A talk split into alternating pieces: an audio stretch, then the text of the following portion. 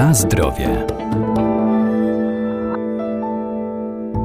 Pobudzają apetyt i zwiększają wydzielanie enzymów, co usprawnia trawienie pokarmów. Mleczne napoje fermentowane, bo o nich mowa, zawierają pożyteczne bakterie, które mają dobroczynny wpływ na organizm człowieka, bo to naturalne probiotyki. Najbardziej popularne to jogurt, kefir czy maślanka.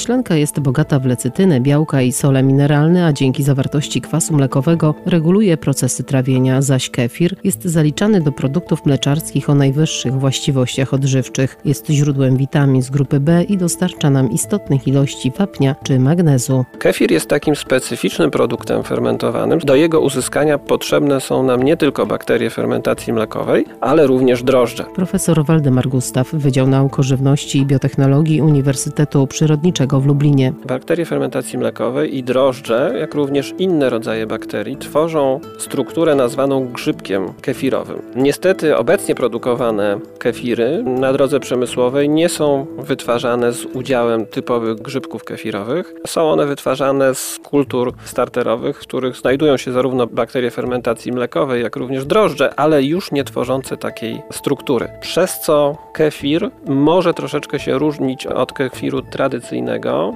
ze względu na smak e, i właściwości organoleptyczne. Kefiry otrzymane według obecnie stosowanej technologii mają podobne właściwości, czyli przede wszystkim mają obniżoną zawartość e, laktozy, częściowo rozłożone białko, czyli to białko będzie dla nas lepiej przyswajalne, są zakwaszone, czyli zawierają kwas mlekowy, przez co będą produktem łatwiej strawnym dla konsumentów. Te tradycyjne kefiry charakteryzuje jeszcze jeden bardzo ważny czynnik, czyli obecność kefiranu, takiego polisacharydu wytwarzanego przez e, grzybki kefirowe, któremu przypisuje się bardzo wiele właściwości prozdrowotnych, między innymi nawet właściwości antynowotworowe. Maślanka, którą możemy spotkać obecnie w sklepach, nie ma w zasadzie zbyt dużo wspólnego z produktem sprzedawanym kiedyś pod nazwą maślanka. Maślanka, którą kiedyś mogliśmy dostać, to był produkt uboczny produkcji masła, czyli to, co nam zostało po oddzieleniu tłuszczu od mleka, w zasadzie od śmietany. Obecnie mleczarnie produkują maślankę, wykorzystując bakterie, które wyizolowano z zakwasów maślarskich i przy ich pomocy fermentują mleko do napoju fermentowanego. Czyli podobnie zużywana jest laktoza do kwasu mlekowego, przy czym są tutaj wykorzystywane, tak jak wspominałem, inne bakterie niż w przypadku jogurtu czy kefiru.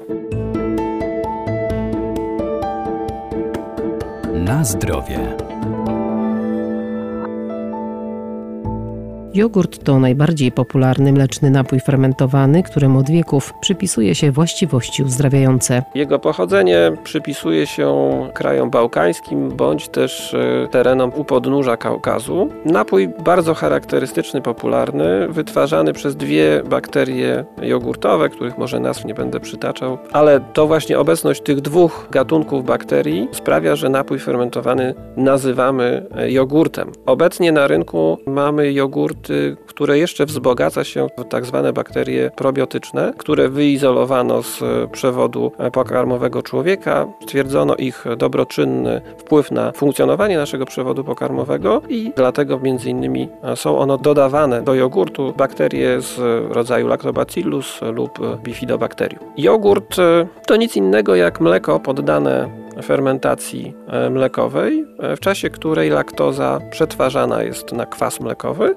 Ten kwas zakwasza mleko do pH około 4,5-4,7. Przy okazji fermentacji mlekowej wytwarzane są inne związki przez bakterie z grupy związków przede wszystkim zapachowych i smakowych, które nadają charakterystyczny e, smak i zapach temu e, produktowi. W ogóle żywieniowcy i dietetycy będą polecali do spożywania jogurty, ale jogurty naturalne. Z tego względu, że mm, te pozytywne cechy tak naprawdę zawdzięczamy właśnie takiemu rodzajowi tego produktu, czyli jogurtowi naturalnemu, bez żadnych dodatków.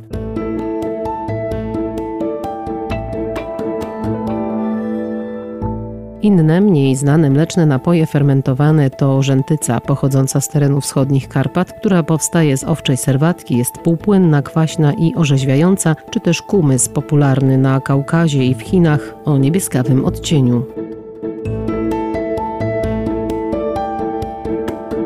Na zdrowie.